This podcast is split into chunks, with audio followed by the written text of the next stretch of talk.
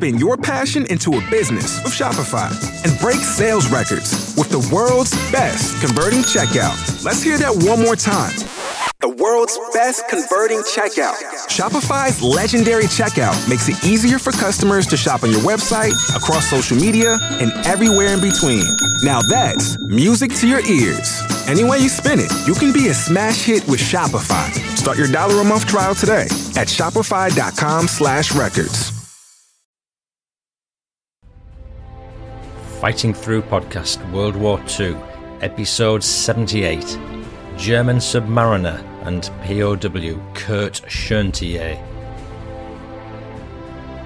More great unpublished history.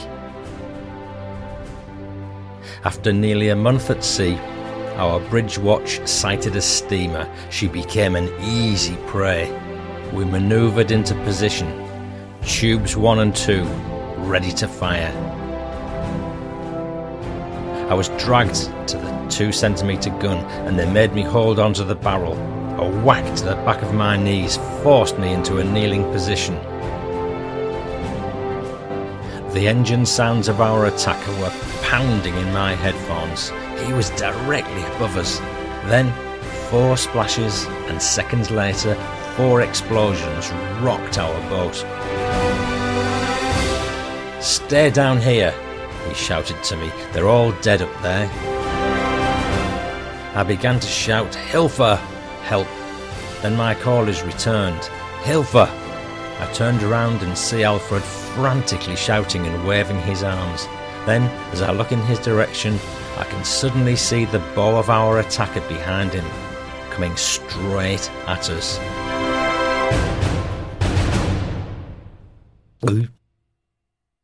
Hello again, and another very exciting World War II welcome to the Fighting Through Second World War podcast. I'm Paul Cheall, son of Bill Cheall, whose World War II memoirs have been published by Pen and Sword in Fighting Through from Dunkirk to Hamburg. The aim of this podcast is to give you the stories behind the story and much more. You'll hear memoirs and interviews with veterans in all the countries and all the forces. I dare you to listen. I'd just like to say that I've done several episodes with what you might call a Germanized context to them, but in doing so, I want to point out that in no way do I condone the actions of Hitler and his Nazi cohorts. After Hardy's dad's story was published a few months ago, someone wrote in and said I was brave for publishing it, and I didn't really react to that suggestion, partly because I didn't accept that I was being brave. At the end of the day, that story, and indeed today's, are both about ordinary German soldiers caught up in something they wouldn't want to have been. Neither story glorifies the Nazi Party or the SS, and had they done so, then I wouldn't have covered them in this podcast. If anybody has any views or feelings about all this, I'd be more than happy to hear from them, but for now I'll refer to the view that my dad did when looking after the German prisoners of war in North Africa, when he said, My favourable reaction to the young Germans was to give them little treats like biscuits and chocolates. They were soldiers like us, Wehrmacht, not SS. So I'll be taking my dad's lead on this one. The main feature today is about German submarine U 111's tour of the North Atlantic during the Second World War. You've uh, just heard various passages during the intro, so enough said for now, methinks. Talk about living history. Have your life belts and blindfolds ready, chums. Um, that's coming later, and before then, I've got some more family stories, including one on the Green Howards, Dad's Regiment, plus a first hand account of Dunkirk by a padre in the Green Howards. Gulp indeed. A bit of backstory for you now. The Battle of the Atlantic was the longest running campaign of the Second World War, lasting from the very first day of the war to the last. For nearly six years, the British, Canadian, and American navies and air forces fought a constant battle against the deadly German submarines, the U boats. as they sought to sink the vital merchant convoys bringing supplies, food, raw materials, and men to Britain. Winston Churchill famously stated that the only thing he ever truly feared during the war was the U boats. Western Approaches Command was responsible for controlling and coordinating the Allied efforts in the Atlantic, and its primary objective was the safe and timely arrival of the convoys. From February 1941, Combined Headquarters, more commonly referred to as Western Approaches Headquarters, was located in the basement of Derby House in Liverpool. From here, the men and women of the Royal Navy, the Royal Air Force, and their female equivalents, the Women's Royal Naval Service, the Wrens, and Women's Auxiliary Air Force, the WAAFs, worked tirelessly 24 hours a day until victory was achieved and the command could finally be disbanded in August 1945. The Atlantic Campaign was arguably the most important of the entire war, as so much relied upon equipment, supplies, and men being transported safely by sea. But it was won at a huge cost, both in terms of ships, aircraft, and men lost.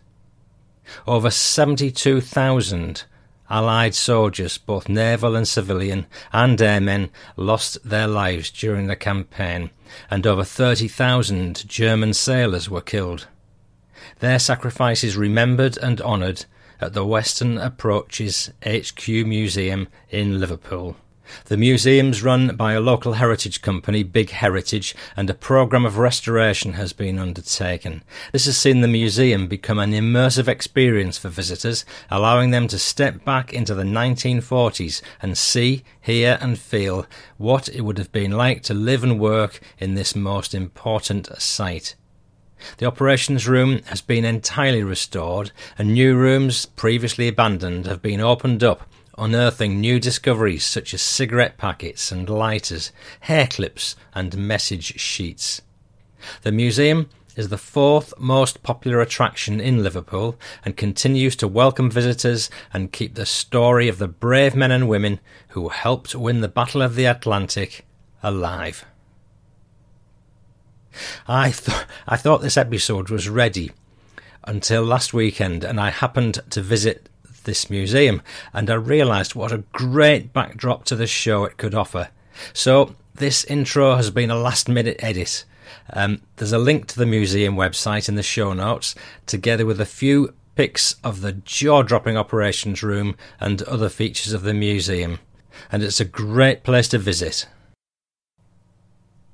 First, a few coffees have been bought. Um, I want to make a short omission I need to redress regarding Todd Kehoe, who bought me some Calvados on the previous episode.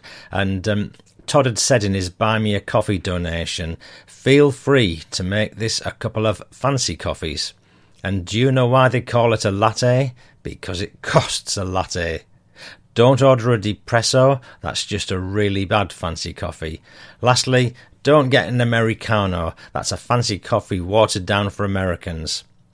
That's a fancy coffee joke on my own country. I'm buying the coffee, so I give permission for an Englishman with a good English accent to make fun at the American palate. That's three jokes for the listeners and a coffee for you. Todd, thank you for that chuckle. I, th- I think I said previously that you needed a little therapy, and I take that back now. You need a lot of therapy. Moving on, family stories. Here's one from Chris Willets. Um, this item is how a random query from someone researching his great uncle's war can turn out like Alice's proverbial rabbit hole. Chris Willets from Charlotte in North Carolina wrote in about the Green Howards. And Chris says, My family has enjoyed your dad's fabulous book a lot. It's like it's like sitting with my granddad telling me about the adventures and feelings he experienced through the war. It's the best way to understand what anyone from the 6th and 7th Green Howards went through. And Chris adds, um, I was playing Axis and Allies D-Day game last night for the first time. So much fun. Well, Listener, there's an idea for a Christmas present if you're looking for one. I'll leave the thought with you. Axis and Allies D Day game, no idea what it's like. Chris goes on to talk about his uncle Ted John Edward Dimmock from the 7th Green Howards and starts off with an extract from Dad's book with Dad on the beaches of Dunkirk. Um, and Chris is wondering if uh, this extract features his uncle Ted. Um, the Green Howards have been fighting through Normandy and have made their way back to Bray Dune near Dunkirk, and here's what my dad said. None of us could see any sign of the 23rd Division assembly area, and nobody seemed to know what to do for the best. Then the planes came over again, causing more deaths. Only 20 yards from me, some lads had been hit by shrapnel and one of them was in a serious condition. The medics were there, but he would not live. So the point of Chris writing was to find out if this could be his uncle, who died in the dunes early on 31st of May. Um, but the story ends up way beyond that. And here's a bit of background on Ted. Chris said that Uncle Ted has the sad distinction to be the only man of the 7th Green Howards to be killed at Dunkirk. He hailed from West Layton near Richmond, UK, and was the only boy in a family of four, so he was brought up firmly in Green Howard country in the northeast. He was a jolly and an easy man to get on with. He had a natural music ability and helped an elderly couple maintain their garden. However, life on the farm was unpleasant to him, as was his father's treatment of him. On one occasion, his father threw a brick at him. He chose to leave, and soon found a new job working for the council as a road worker, and was later betrothed to his sweetheart Sally, who worked in the general store in nearby Ravensworth. His career change ultimately proved fatal because it meant he was no longer in a protected occupation, and he was called up to fight at the age of twenty. He enlisted in the 7th Green Howards, where he met his closest friend Stanley Coleman. At the close of the Dunkirk campaign, Allied soldiers were retreating to Dunkirk following their fighting retreat from the German invasion of France. Upon arriving at Bray Dune early on the 31st of May, they were ordered to disperse and take cover in the dunes. Shortly after, at 6 a.m., they were shelled. While the overall casualties were few, Ted was killed. A piece of shrapnel went through his chest wallet and claimed his life. Pastor Metcalf was on duty and grabbed Ted's belongings, including his wallet, tags, and a packed pipe ready to smoke. He was wrapped in a blanket before they buried him in the sand dunes. Reportedly, Metcalf then run like hell. At 8 a.m., they were ordered onto the beach to try boarding small boats, but the sea was too rough. Instead, the 7th Green Howards were ordered to head to the East Mole to act as stretcher bearers. Listener, I'm fairly sure, uh, though not certain, they would have got from the got away from the East Mole later on that day, but I'm not sure whether it was on the Lady of Mann alongside my dad and the 6th Green Howards. It may have been a different boat. Ted's mother, Min- Minnie Dimmock, received Ted's belongings and another man's tags from Pastor Metcalf and we're going to hear more from the pastor in a while. It's speculated that his mother was never the same after, holding out hope that Ted was alive and there'd been a mix up with the tags. She continued to look to the hills above their house in West Layton, waiting for him to come home, and often thought she could hear his footsteps. The farmers brought her food, but she refused, as she blamed them for mistreating Ted and believed they forced him to leave the safety of farm work only to be called up and killed. And his fiancée Sally eventually married someone else. Stanley Coleman, Ted's mate, had missed the battle due to developing diphtheria and later visited the family home to share his commiserations for his best friend's death. This is when he first met a certain Jenny Butler. They kept in touch and wrote letters to each other throughout the war and were destined to become my grandparents. Thanks to Pastor Metcalf, we have Ted's wallet. Unfortunately, Ted wasn't a rich man with a thick wallet to stop the shrapnel passing through and hitting him in the chest. Inside is a picture of his of Sally's fiance that he will never get to marry and the souvenirs he collected to give to her. So, Chris asked if the lad dying on the beach in front of him could have been his Uncle Ted. Well, Chris, having studied the dates, I'm not sure. I think Ted arrived on the beach the day after Dad's incident had happened, but uh, who knows whether the dates were all mixed up. Um, regardless, the scene would have been very similar. A young man surrounded by his pals trying to help him, but helpless to do anything but no doubt caring for him. Many years later, in the 60s, continues Chris, um, my nana Jenny tells a story about how she and Stanley went to visit her father in hospital at Scorton, near Richmond. Stanley recognised a man at the hospital who looked tough as old boots. He claimed that he was one of three men that were hit by the shell along with Ted. We're still looking for the two that stood by him at his death and wondered if they could shed any light on what had happened. Also, we are truly thankful to Pastor Metcalf and his service. Now, Chris ended his piece to me asking a few questions about this incident. Who was next to Ted when he died? Anybody know of a Sally from Butterworth Village in UK? Ted's fiancée at the time. Uh, any images of the Green Howards band? Um, Chris has built a website to all this, and I've, I'm putting a link in the show notes. And Chris has done his Uncle Ted really proud with that website. There's lots of info and photographs, and I think true Green Howards aficionados will really enjoy it. But here is the pièce de résistance. Chris's final request for information was as follows. Uh, he says, Ted Dimmock was in the Green Howards band. He was very musically talented and could play a number of instruments. I would love to see if there are any pictures or write ups. Well, that's all the information Chris had, but it set my little brain whirring because I recalled in episode 25 we covered that photograph of Rufty Hill and his pals with Winston Churchill, and that's a veritably good uh, episode if anybody hasn't listened to it. Now, one of the one of the discoveries around that photograph was that the five lads clowning around in a photo booth in Limassol in 1941 were in a band, obviously the Green Howards band. But I took a long, hard look at that photo, and yet I could not recognise Ted in it.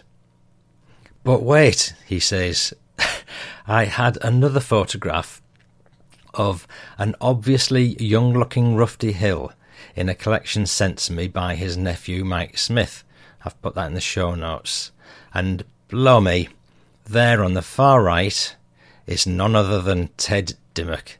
Same blonde hair, parting, and square jaw, and Chris agrees with me.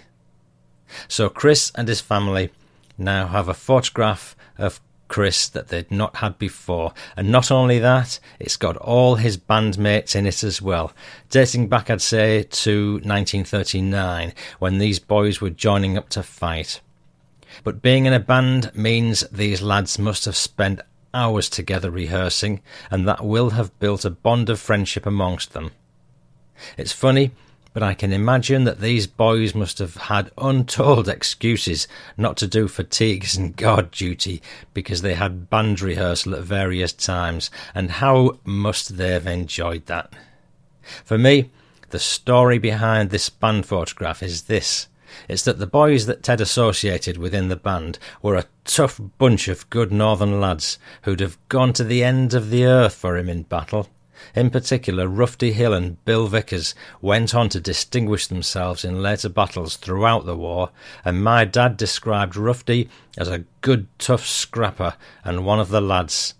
But Rufty was sadly killed on Gold Beach on D Day. And if you want to learn more about this group, listen to episode 25 Sergeant Rufty Hill Meets Winston in World War II. Bill Vickers survived the war, and you can bet he would have remembered Ted for the rest of his long life as a result of being in that band together. Chris Willets, thank you so much for writing in about your Uncle Ted. And if anyone can add to the background to John Edward Dimmock, please get in touch.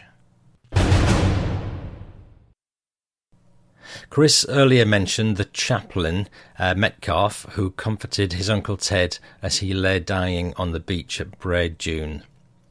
Now, during his research on his relative, he's managed to dig out the following, following article in Dunkirk, written by the Reverend N.S. Metcalf, DSO himself. This is entitled Chaplain in Retreat. Generally speaking, a commander may be able to pull back his formations in comparatively good order, losses of men and equipment being minimal after taking into consideration the prevailing situation. However, there's another side to the picture. It concerns the minimal losses. This means the soldiers left behind, some wounded, some killed, and the survivors in general deprived of so much of the basic necessities of life. It's in situations like these that the chaplain in retreat has opportunities literally hurled at him. My chaplain in retreat experiences began, as was the case with so many other chaplains in the Dunkirk saga. Attached to the 7th Battalion, the Green Howards, I arrived in France on St. George's Day, April the 23rd, 1940, and left with a major part of the regiment on June the 1st from Dunkirk. During those six weeks or so, the unit occupied an area to the east of Paris, still abounding in preserved World War I trenches. With the German breakthrough of Belgium on May the 10th, the regiment was ordered up to Belgium to counter the German thrust around the northern flank of the Maginot Line. I shall always remember the night of the 10th in some incomprehensible way, I found myself involuntarily engaged in the work of a dispatch rider on the motorbike. It certainly gave me much needed mobility and enabled me to keep in touch with the various companies of the regiment. Driving through the various checkpoints manned by trigger happy French soldiers was invaluable in helping me to make myself understood in French. For the rest of the month of May, the regiment was continually on the move. It was during this hectic period that I had to undertake the first of many of sombre duties, the conducting of burial services of several members of the regiment and attached units. By May the 31st, after the advance to the northern section of the Maginot Line, we, like the greater portion of the Allied armies, had been forced to retreat to Bray Dune. It was here that we prepared for the evacuation from the port of Dunkirk. However, there was still a job to be done before embarkation, and that was to destroy our transport and any stores we could not manhandle. I mucked in. With a sledgehammer given to me by the RSM, I joined others in the work of destruction. I discovered, like so many, that after the initial feeling of distaste in wrecking expensive machinery, the desire to destroy grows. A grim lesson to be learnt in this respect, as many of the soldiers found. It makes a good subject for sermons. June the 1st dawned, and the regiment marched along the sands from Bray Dune to Dunkirk Pier without a single casualty. It was a fact that although we were late in the evacuation programme, we escaped the carnage that had gone before and was to come after on the last day of the withdrawal. Most of the regiment were able to board a stamp treamer that had come across from Dover laden with stores. These were not unloaded, and we found them most welcome on the journey to Folkestone. This article was published in the Journal of the Royal Army Chaplains Department in 1983. It's connected with the Royal Army Chaplains Museum, the Army Museum in Swindon, UK. A haven of peace and calm for all, the home of British Armed Forces chaplaincy provides a rich and warm experience for all. And Chris says, It's best to ring ahead if you're going and let them know you're coming. It's part of the Ministry of Defence and there is security on the gate. Chris, thank you again for all of that. A family story from Wes Hickman now. Um, Wes says, I listen to podcasts all day at work, and Fighting Through is my favourite, and I often listen to past episodes again. My grandfather, Bill Hickman of Kennett Square, Pennsylvania, was a Master Sergeant in the 10th Ordnance Battalion in General Patton's Third Army. In fact, General Patton once stopped him and his buddy and gave them the business because they didn't have their neckties on properly. He captured two Germans in early 1945 and kept a few pieces of their kit, which I still have today and are some of my most prized possessions. Please keep up the excellent work, Paul. Wes Hickman, Wilmington, Delaware, USA.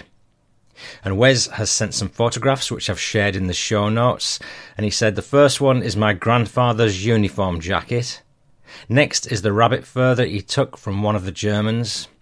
And my fact, my grandfather said his head was cold and the hat looked warm, so he took it from them. And what a fabulous hat that is! Then there's the surrender leaflet that the Germans presented to him when he took them prisoner. Those leaflets were dropped over enemy territory and guaranteed proper treatment, food, and medical attention. The last photo is my grandfather standing in the mud with some friends, and the back of the picture says, These are the conditions in Bastogne in 1945.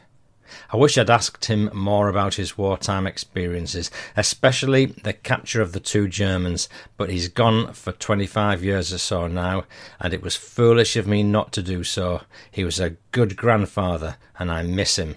That's all for now, Paul. Cheers, Wes Hickman. Wes, thank you for writing in. I can feel your frustration at not knowing how your granddad captured those Germans.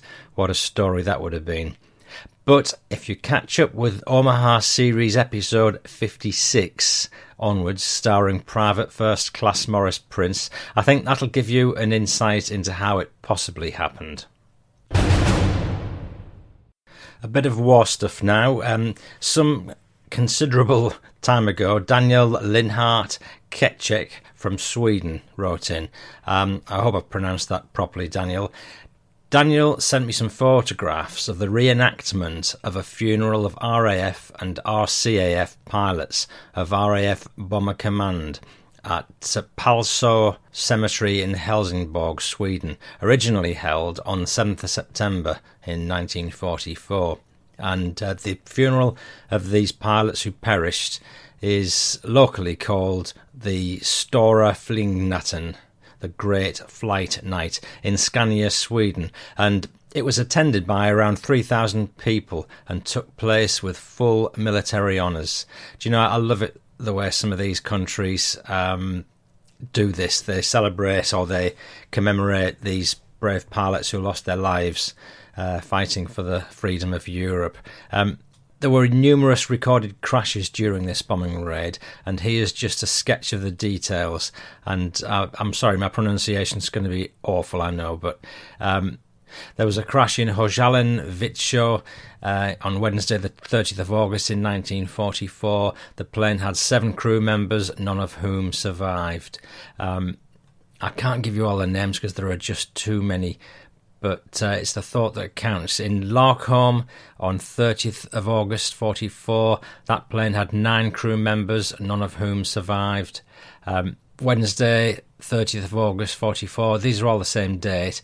In Skjaldarviken, uh, the plane had eight crew members, one of whom survived. In Svenskop, uh, same date, the plane had seven crew members, one of whom survived. And Daniel sent me various uh, photographs, which I've put in the show notes, taken by Clarence Webb. And uh, Daniel says it's our reenactment club during our ceremony. So thank you, Daniel, for keeping the memory alive. And while we're on Lancasters, uh, Julian Peter wrote in and he says, I'm researching the story of Lancaster PB 958 F2P, which took off in the morning hours of 31st of March 1945 from RAF Downham Market on an air raid to Hamburg. Over the target, the plane was shot down and crashed only a few streets down from where I live. Of the seven crew, only two managed to bail out, with one becoming a POW, while the other, Flight Sergeant Kevin George Clark, was also captured, but handed over to Volkssturm, who had him executed the same day. With the help of many archival documents, I was able to piece back together Flight Sergeant Clark's final moments, and I'm working on a retelling to commemorate his and his crew's sacrifice. And Julian's wondering if uh, I have any information, tips, contacts, or places where he could search for more archival documentation. Thank you in advance, Julian Peter.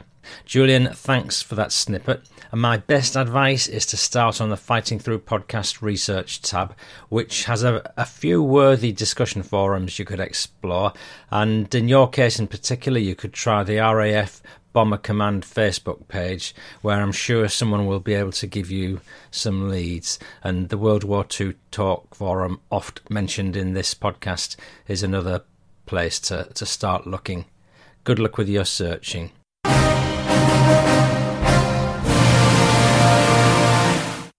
And that fanfare composed by Mark Peters heralds the approach of the main feature U Boat U 111. This is the adventures of a young German submariner fighting in the Atlantic. And here's a bit of backstory to the boat in question. German submarine U 111 was a type IXB U boat of Nazi Germany's Kriegsmarine during World War II. She had a short career, sinking four enemy vessels and damaging one other, and these victories took place over a period of two war patrols. During her first sortie, the boat sank two enemy vessels and damaged a further one. I'll let Kurt's memoir tell you the rest of the story. So today's story was written by the late Kurt Schoentier, who was an 18 year old sailor. The book's been independently published by his son Rainer, who lives in America in St. Thomas, Ontario. So, yet another indie product showing its metal, or should I say, aluminum. The, the title is The German Immigrant, and it's about the life of a German country boy in Hitler's Third Reich on a German U boat and as a prisoner of war.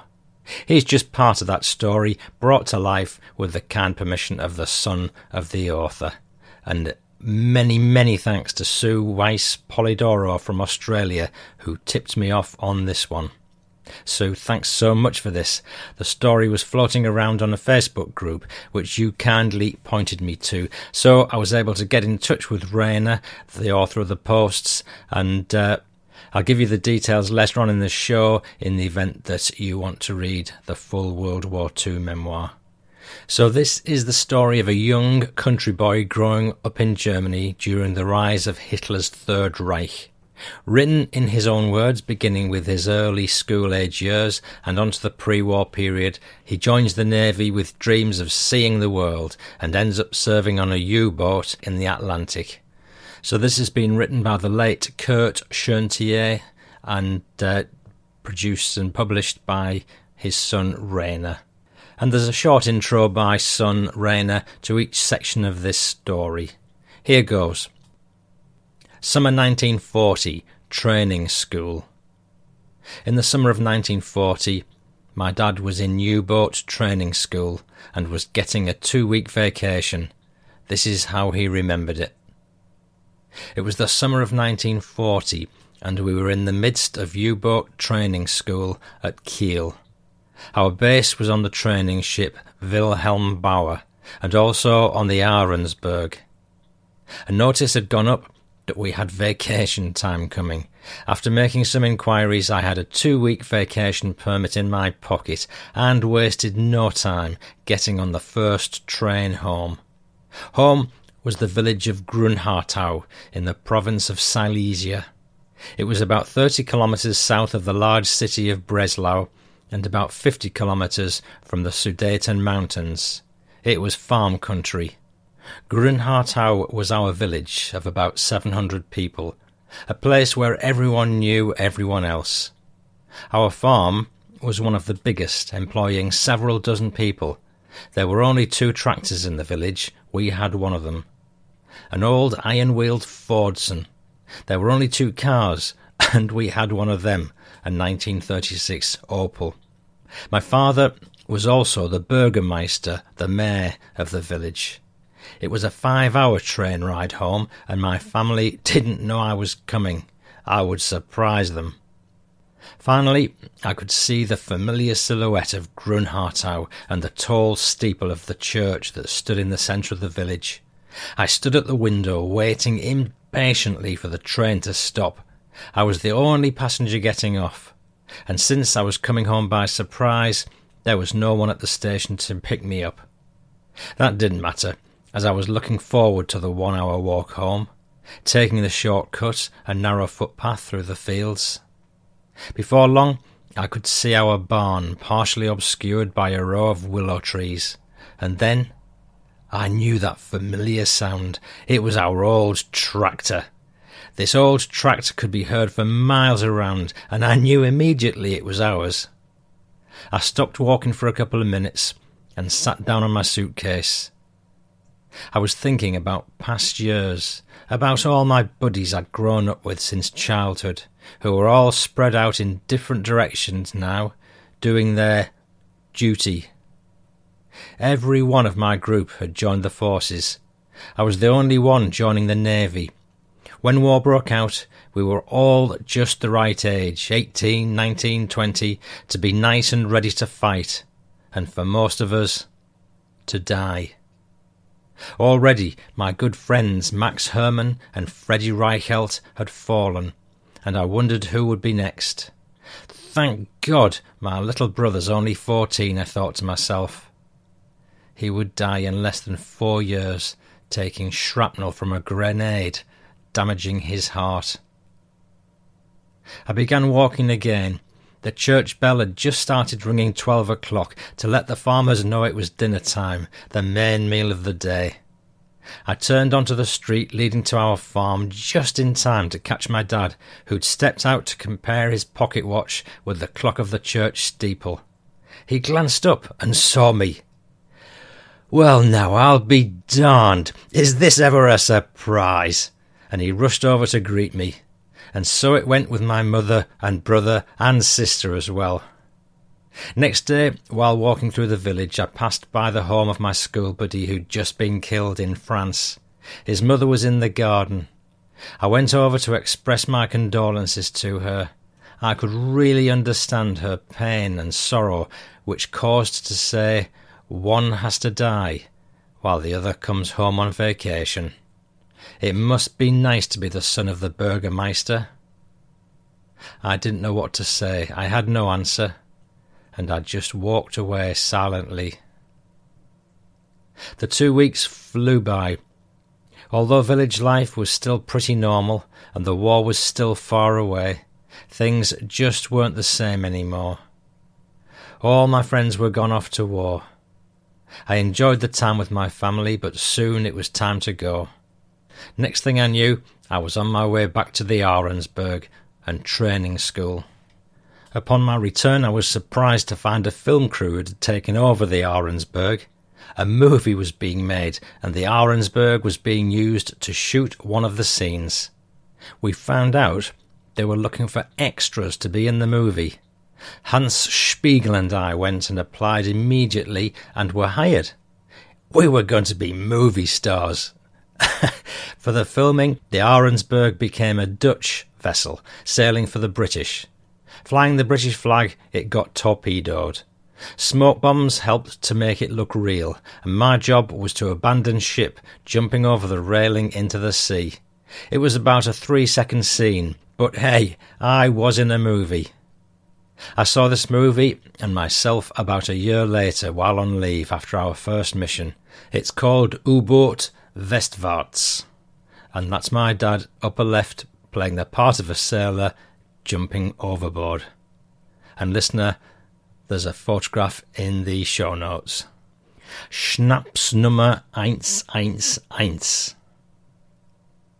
My dad, Kurt Schöntier, arrives in Bremen, where construction of U111 is nearly complete. Captain Wilhelm Kleinschmidt is handed the keys to the boat. I'd made my way to Bremen, where the finishing touches were being done on U 111. Most of the crew was already there. They were a great bunch of guys, all of them. You have to be a special type to be crazy enough to volunteer for U boat service. Boatsman Berkman met with us at Pier Number 4, where U 111 was now docked.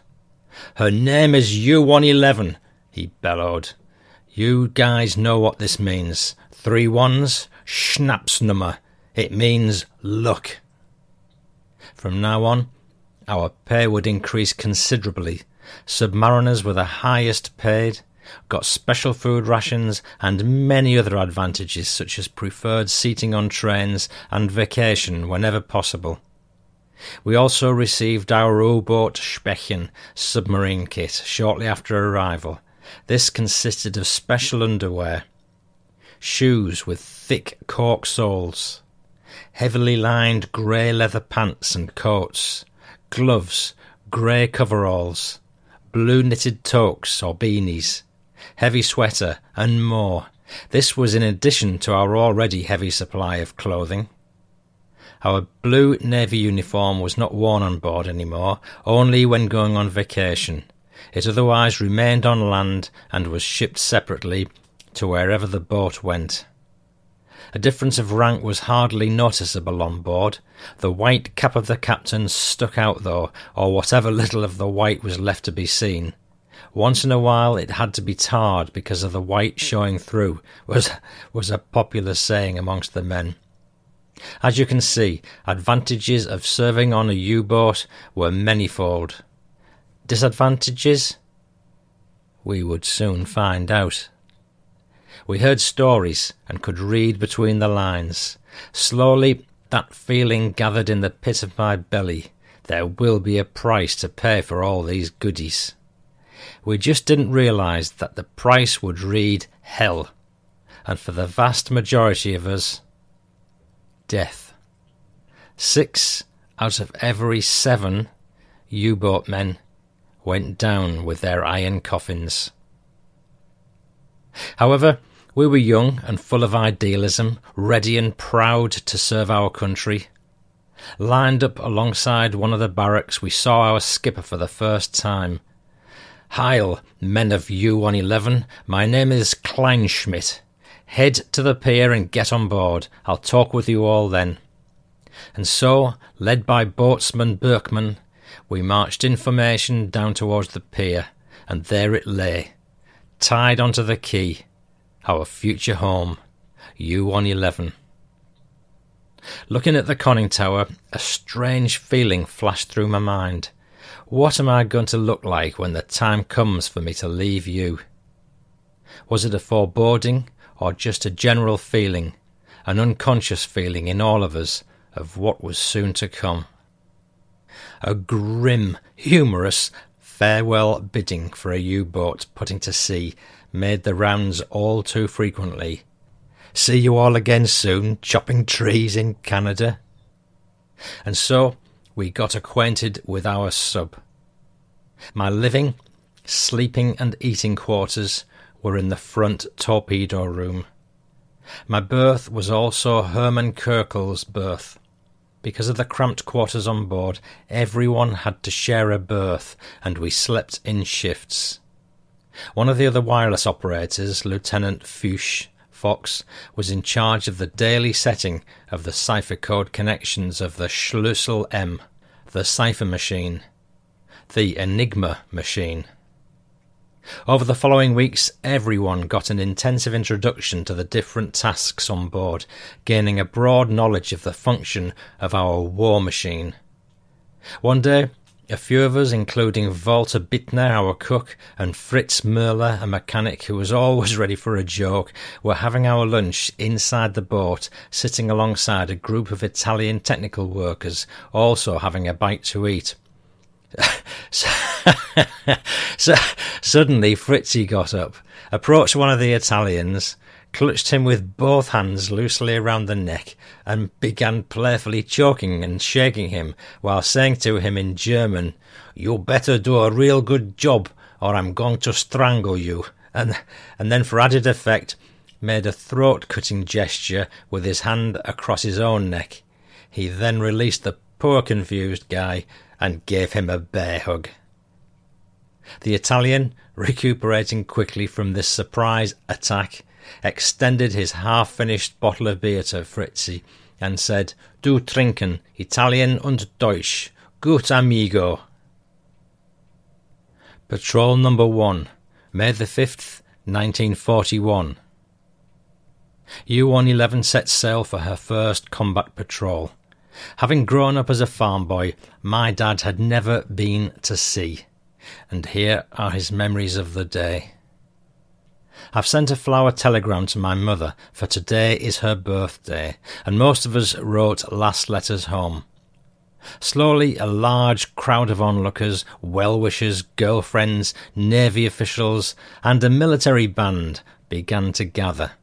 Everyone off duty had gathered on deck, and the crowd slowly fell into silence. We were prepared to face the unknown. Ropes away! The command echoed ghostily about the silent harbour side.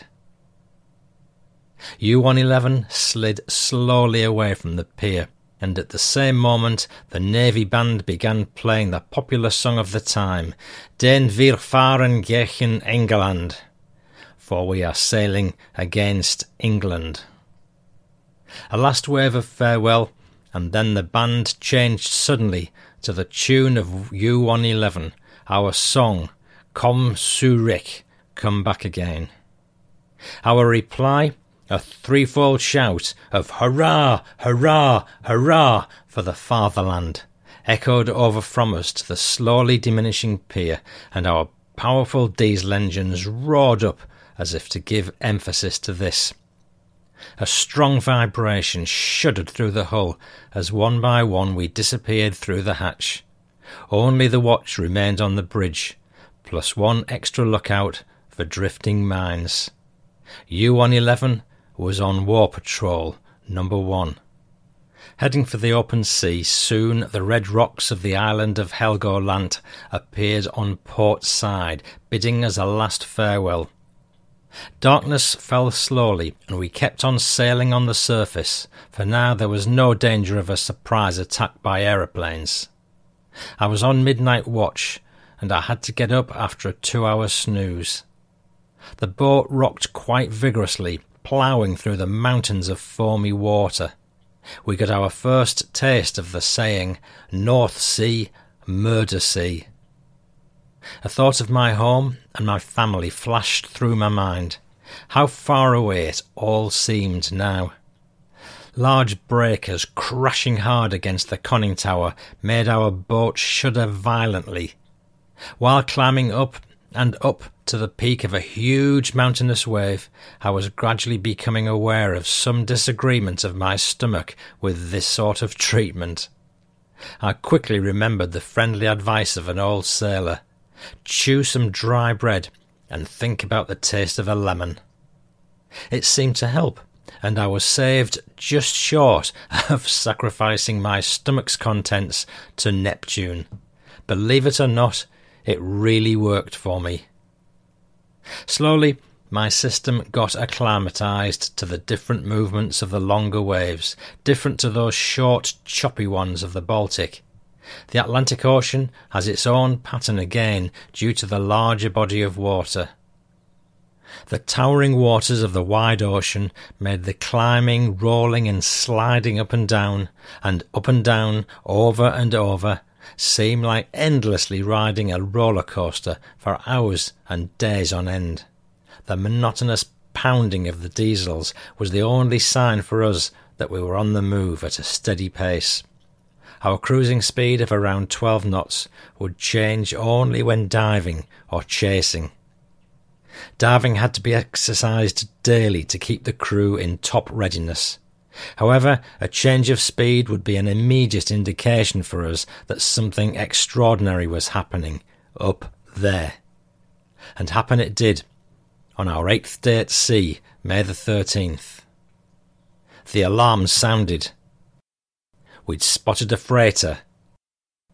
The hunt was on. Upon sighting the freighter, the order was given. Both engines full speed ahead. The diesels roared, and I immediately felt the sense of accelerating speed. The rhythm of the engines, like the pounding of war drums, put the whole crew into the spirit of the hunter.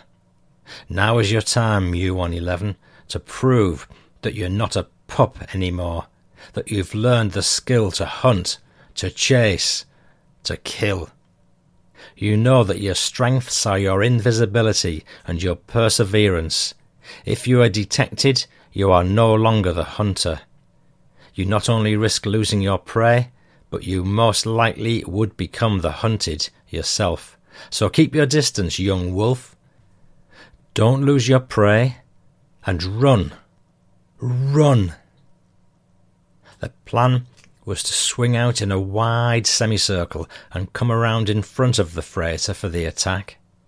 The freighter was cruising at a speed about one knot slower than our top speed. Considering the longer distance we had to travel by making this wide arc, it took more than half the day at top speed before U11 reached the right position.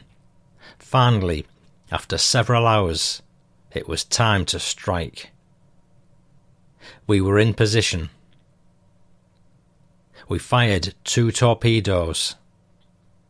One made a direct hit and broke the ship apart.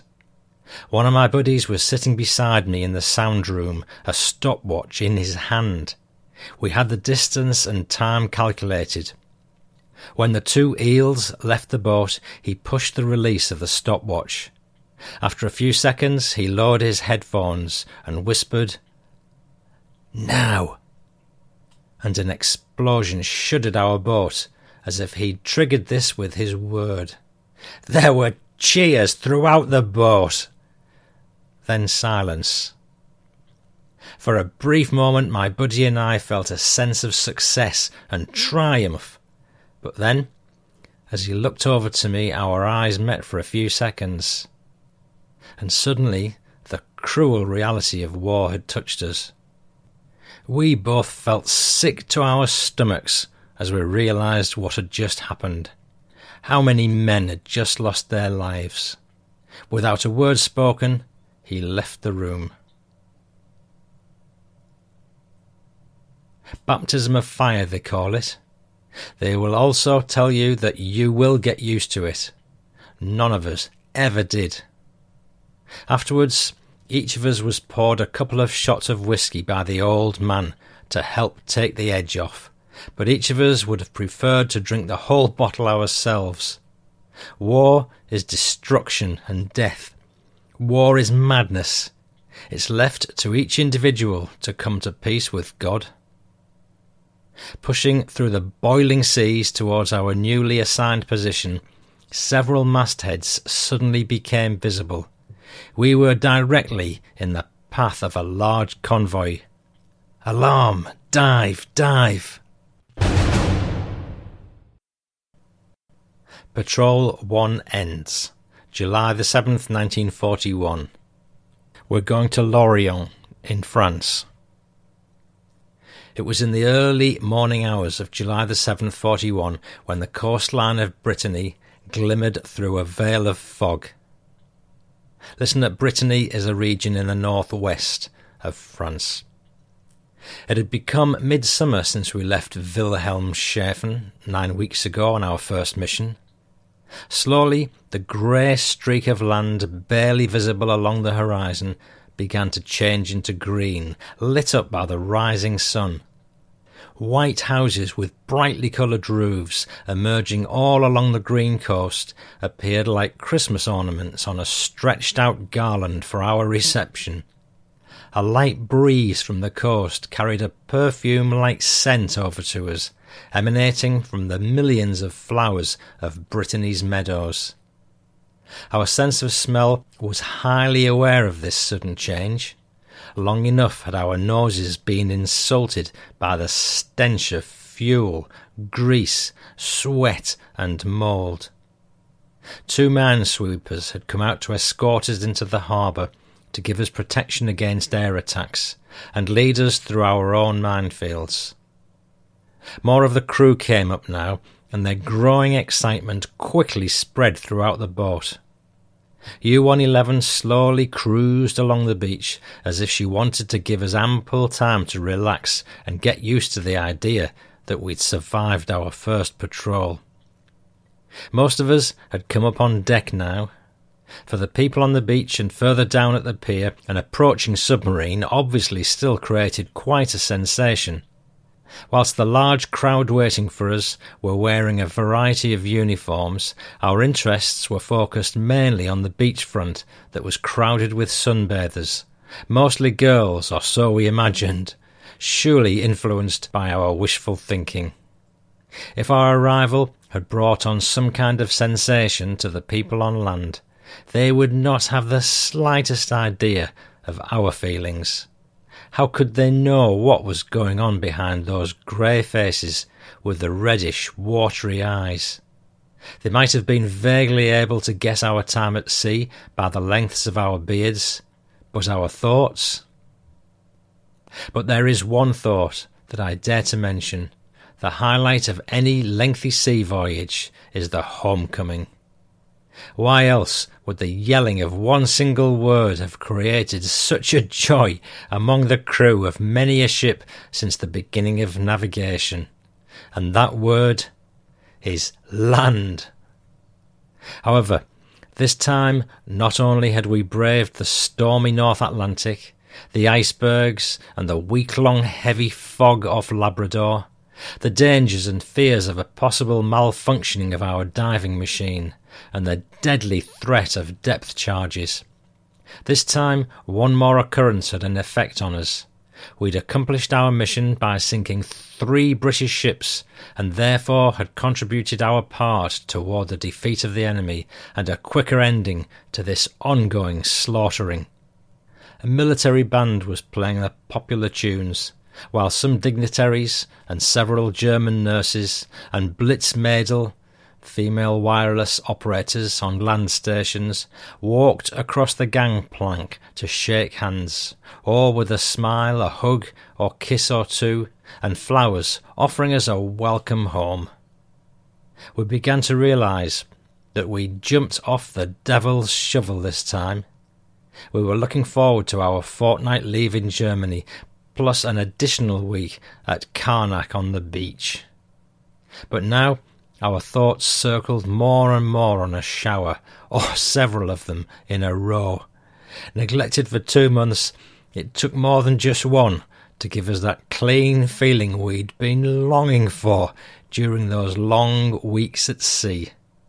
And the removal of our several inches long beards was not done with a simple shave either. First, hair clippers to get closer to the skin, then an attack with soap and razor. Our facial features had been changed quite considerably by the length of our beards. The chin line grew lower with the growth of facial hair, making the whole head look much longer. This enlarging process had happened so gradually, however, that we became quite accustomed to this look, and it took several hours after our shave before, before we could face each other without bursting into a roar of laughter. Our belongings had been shipped overland from Wilhelmshaven and had been moved to our quarters close by the harbour side. The rooms of former French army barracks were comfortably made up and kept clean by local girls. Cleanly dressed, we now had ample time to start enjoying ourselves. With our pockets loaded with money, we set out to explore what this foreign city had to offer.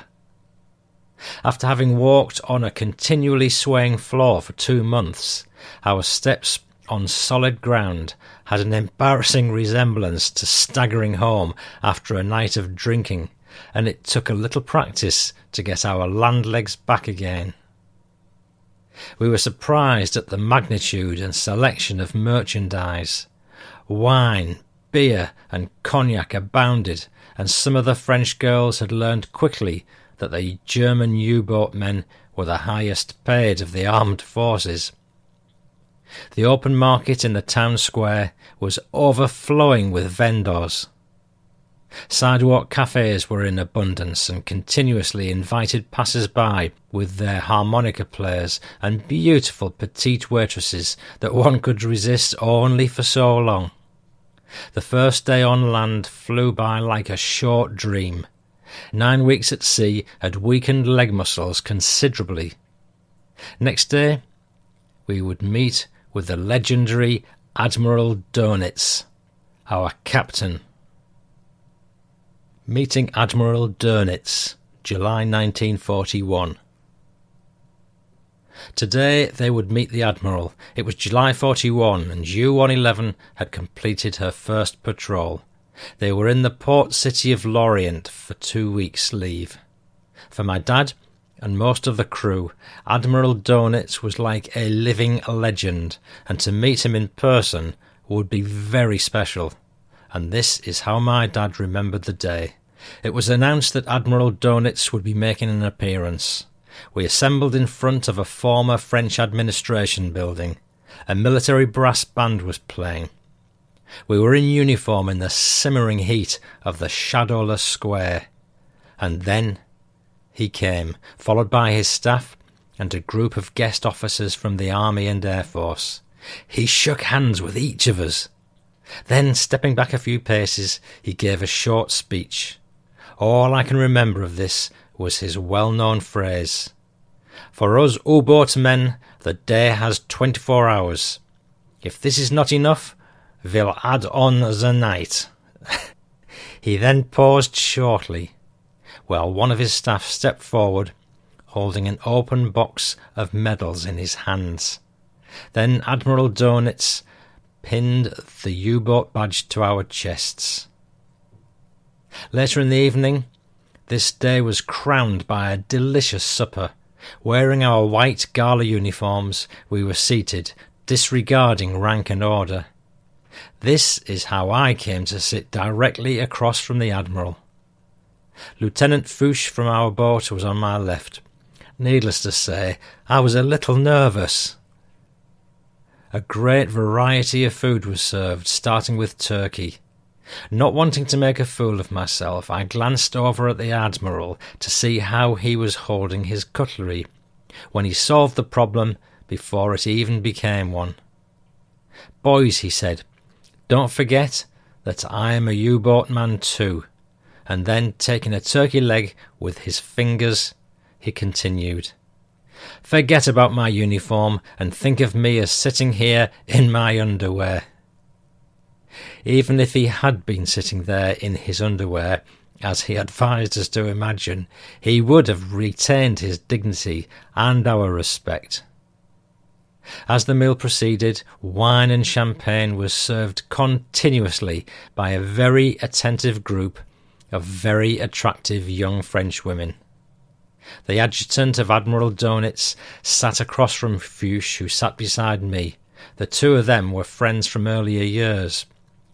Always the prankster, I knew, I knew Fouche was up to something, a joke of some sort. With a wink of his eye, he poked his elbow into my side. Then I noticed he held this cherry pit squeezed between his fingers. I just hoped it wouldn't accidentally squirt onto my white shirt instead of at his friend across the table. However, Fouche had miscalculated the missile's trajectory, and it hit the Admiral square on the chest. At first, the Admiral gave the appearance that he had not noticed the incident at all, but then he suddenly threw a whole cherry back onto Fouche's gala jacket. Fouche now had a mischievous grin and was playfully holding the entire ball of cherries in a throwing position. Dönitz, suspecting Fouche's plan, warningly waved his finger at him. Son, he said, this you have never been taught by me. thereby averting an upcoming food throwing battle. But the night was long with much merriment, singing, and laughter, and the champagne, wine, German beer, and cognac flowed freely as long as the demand lasted. It finally came to an end at six o'clock in the morning, beginning with a normal day of duty. And so ended the day when my dad met Admiral Dönitz. Patrol 2, July 41. After a brief visit home, my dad made his way by train back to Lorient, where U 111 was being prepared for patrol number 2. My father and little brother had given me a ride to the train station. Leaning out of the train window and looking back to wave goodbye, I saw the two for what turned out to be the last time in my life. The vision is now burned into my mind. To this day, I can still see them standing there waving. Farewell, auf Wiedersehen, Kurt. My superstitious mind told me I shouldn't have looked back. It was a bad omen to look back, but I did look back to see my dad, my little brother, and the steeple of our village slowly vanishing forever.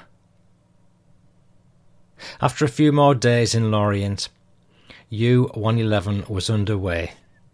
Compared to the cold, rough, unfriendly waters of the North Atlantic, we began to call this patrol our Kraft durch Freudereise, Strength Through Happiness Tour. For weeks, not a single ship in sight, and no planes either. Many of the off duty personnel spent their time in the Rose Garden, the rear platform of the conning tower. The surrounding railing had an outwardly slant, and thanks to some friendly design engineer, bench seats had been added all around. A beautiful place for sunbathing, and why not have a snooze at the same time? The steadily blowing light breeze made the tropical heat quite bearable on the upper deck. However, the inside of the boat slowly developed into a sauna.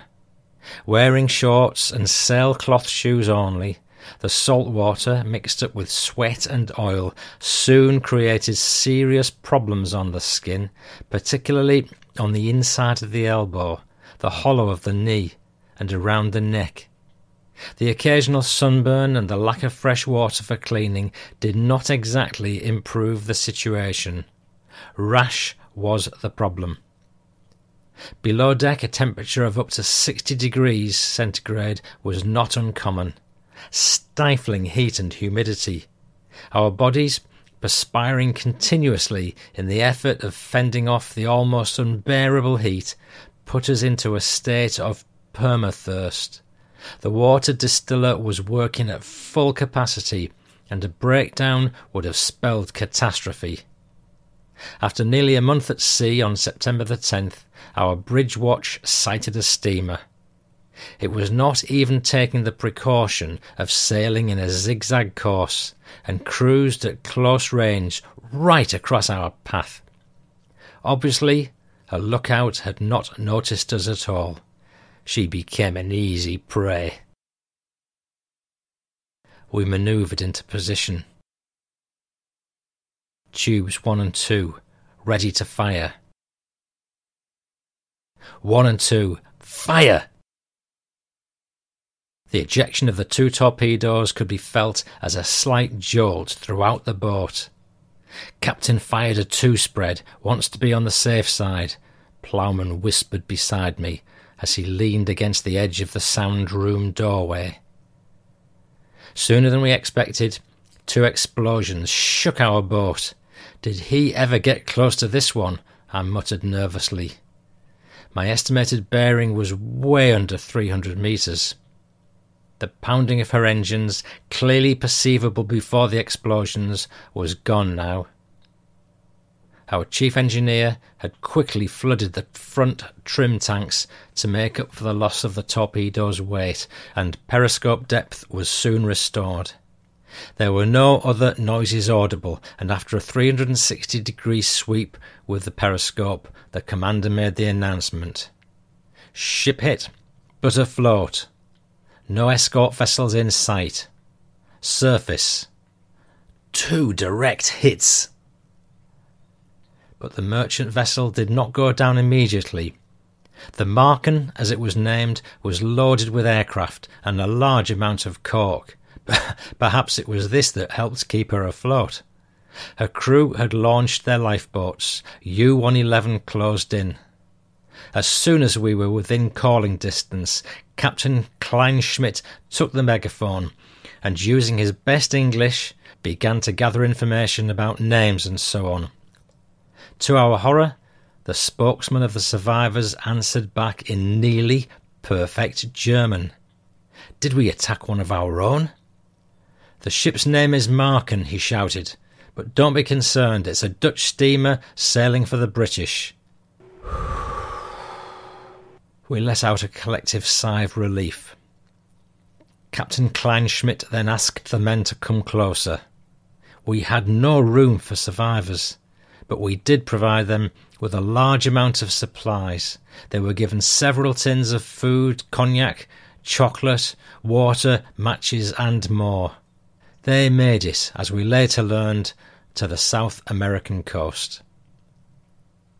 As the sun began its descent below the horizon, we continued on our course, nearing the equator. As we sailed along the coast of Brazil and we approached the equator, a rumour began to spread among the greenhorns on board. We began to hear whispers of hazing rituals and initiation rites and equator christening. Four or five of the crew had crossed this imaginary line earlier in their careers and were therefore exempt from these procedures. One of them took on the role of Neptune, while the others became his assistants. Over the next several days, they held secret meetings preparing for the dark rituals of the occasion. Now and then, they would drop little hints and clues of what could happen, just to feed our imagination and let our tension and anxiety build. When the big day arrived, everyone off duty assembled in the forward section of the boat. One at a time, we were then called up to appear before Neptune and his committee, who'd established the baptistry on the bridge. Looking through the bulkhead into the control room, we could watch the newly baptized guys sliding down from the conning tower and staggering towards the stern of the boat. Their scared and bewildered looks didn't contribute a great deal of encouragement, and we were not permitted to get in touch with them. Now it was my turn.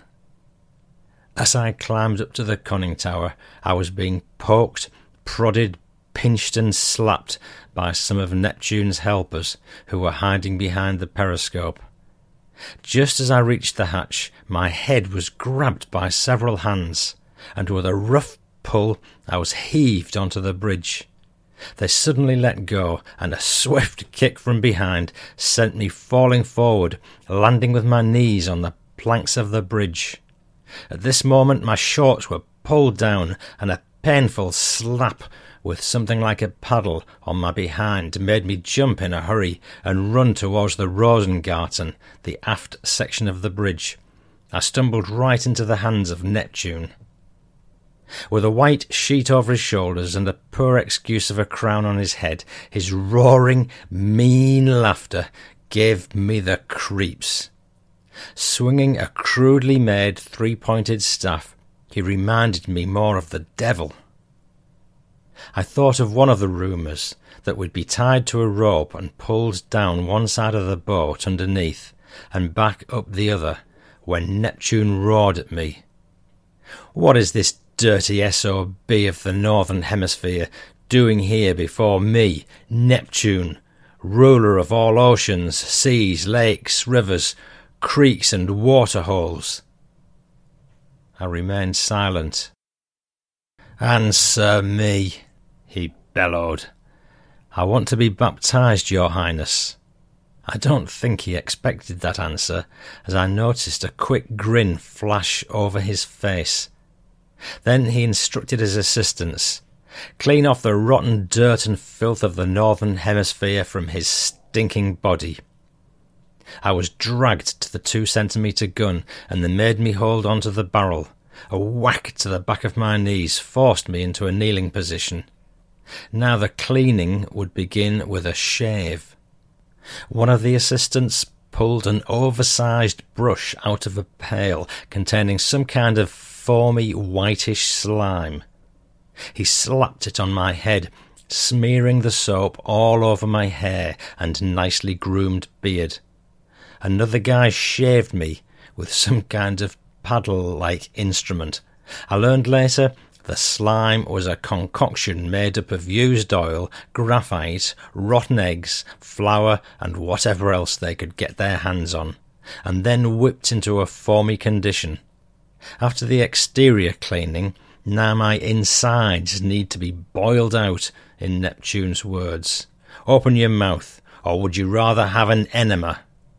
Oh, dear God, I thought to myself, and I never in my life opened my mouth faster than at that moment. Then one of them shoved several large lumps, similar to meatballs, into my mouth. Those things were made out of mouldy bread and fried in old oil. Then, with my mouth held open, a fire hose was used, and a strong jet of seawater flushed this terrible tasting, cleansing material out again. Now Neptune spoke again. I, Neptune, ruler of all oceans, seas, lakes, ponds, rivers, creeks, and water holes, hereby certify that the dust-born Kurt Schoentier of U-111 has been cleansed today of the mud and filth of the northern hemisphere and is baptized under equatorial rituals, and from now on he may sail in the waters of the southern hemisphere. I was then handed two bottles that had been tied together like binoculars and filled with sea water mixed with pepper. Now look through these binoculars and tell me what you see. I did what I was told, and then, while covering up my burning eyes with one hand, I shouted, I see the equator. Wrong answer, look again. I thought to myself, whatever I say, it's sure to be wrong. So I jumped up, and in a desperate attempt to escape from those devils, I made it to the hatch and slid and crashed to the deck below and the safety of the boat's interior. And that's what many did, as I learned afterward, and it was accepted by Neptune as the end of the baptizing act. Whew. The sun slowly set once again on an otherwise lazy day but dark clouds loomed on the horizon for U-111. To find out what those dark clouds contain, check out part 2 in the next episode 79, where you'll hear about the sinking of U-111 and of Kurt's remarkable survival, capture, and ongoing life as a prisoner of war in Canada. And there are some more family stories to go with it, and no matter how long it takes, I promise it'll be surfacing very soon. Meanwhile, here's a quick PS, which is a follow up on the Ted Dimmock story. Chris Willett sent me a photograph, which I've put on the website, which is a list of the soldiers, the Green Howards, that died around that period. And in actual fact, it doesn't show any 6th Green Howards killed at Dunkirk on the dates around the, the 31st when Ted was alleged to have died.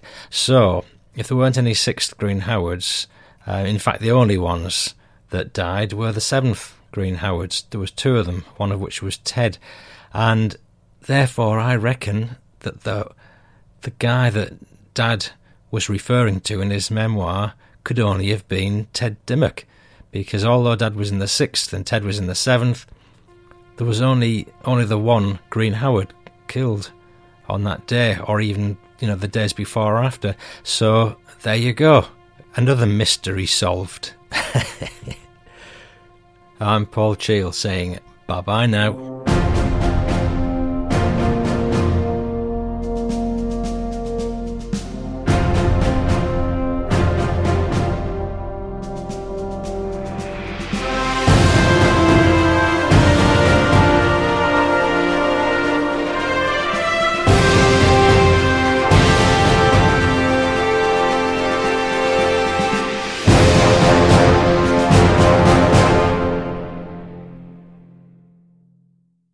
So, you've got an idea for a business, the store of your dreams. There's just one thing to figure out everything. That's why Shopify's all in one commerce platform makes it easy to sell online, in person, and everywhere else. Sell on social media, source products with an app to get that first sale feeling. It's the only solution that gives you everything you need to sell everywhere you want. So when you're ready to bring your idea to life, power it up with Shopify. Sign up for a $1 per month trial period at shopify.com slash listen.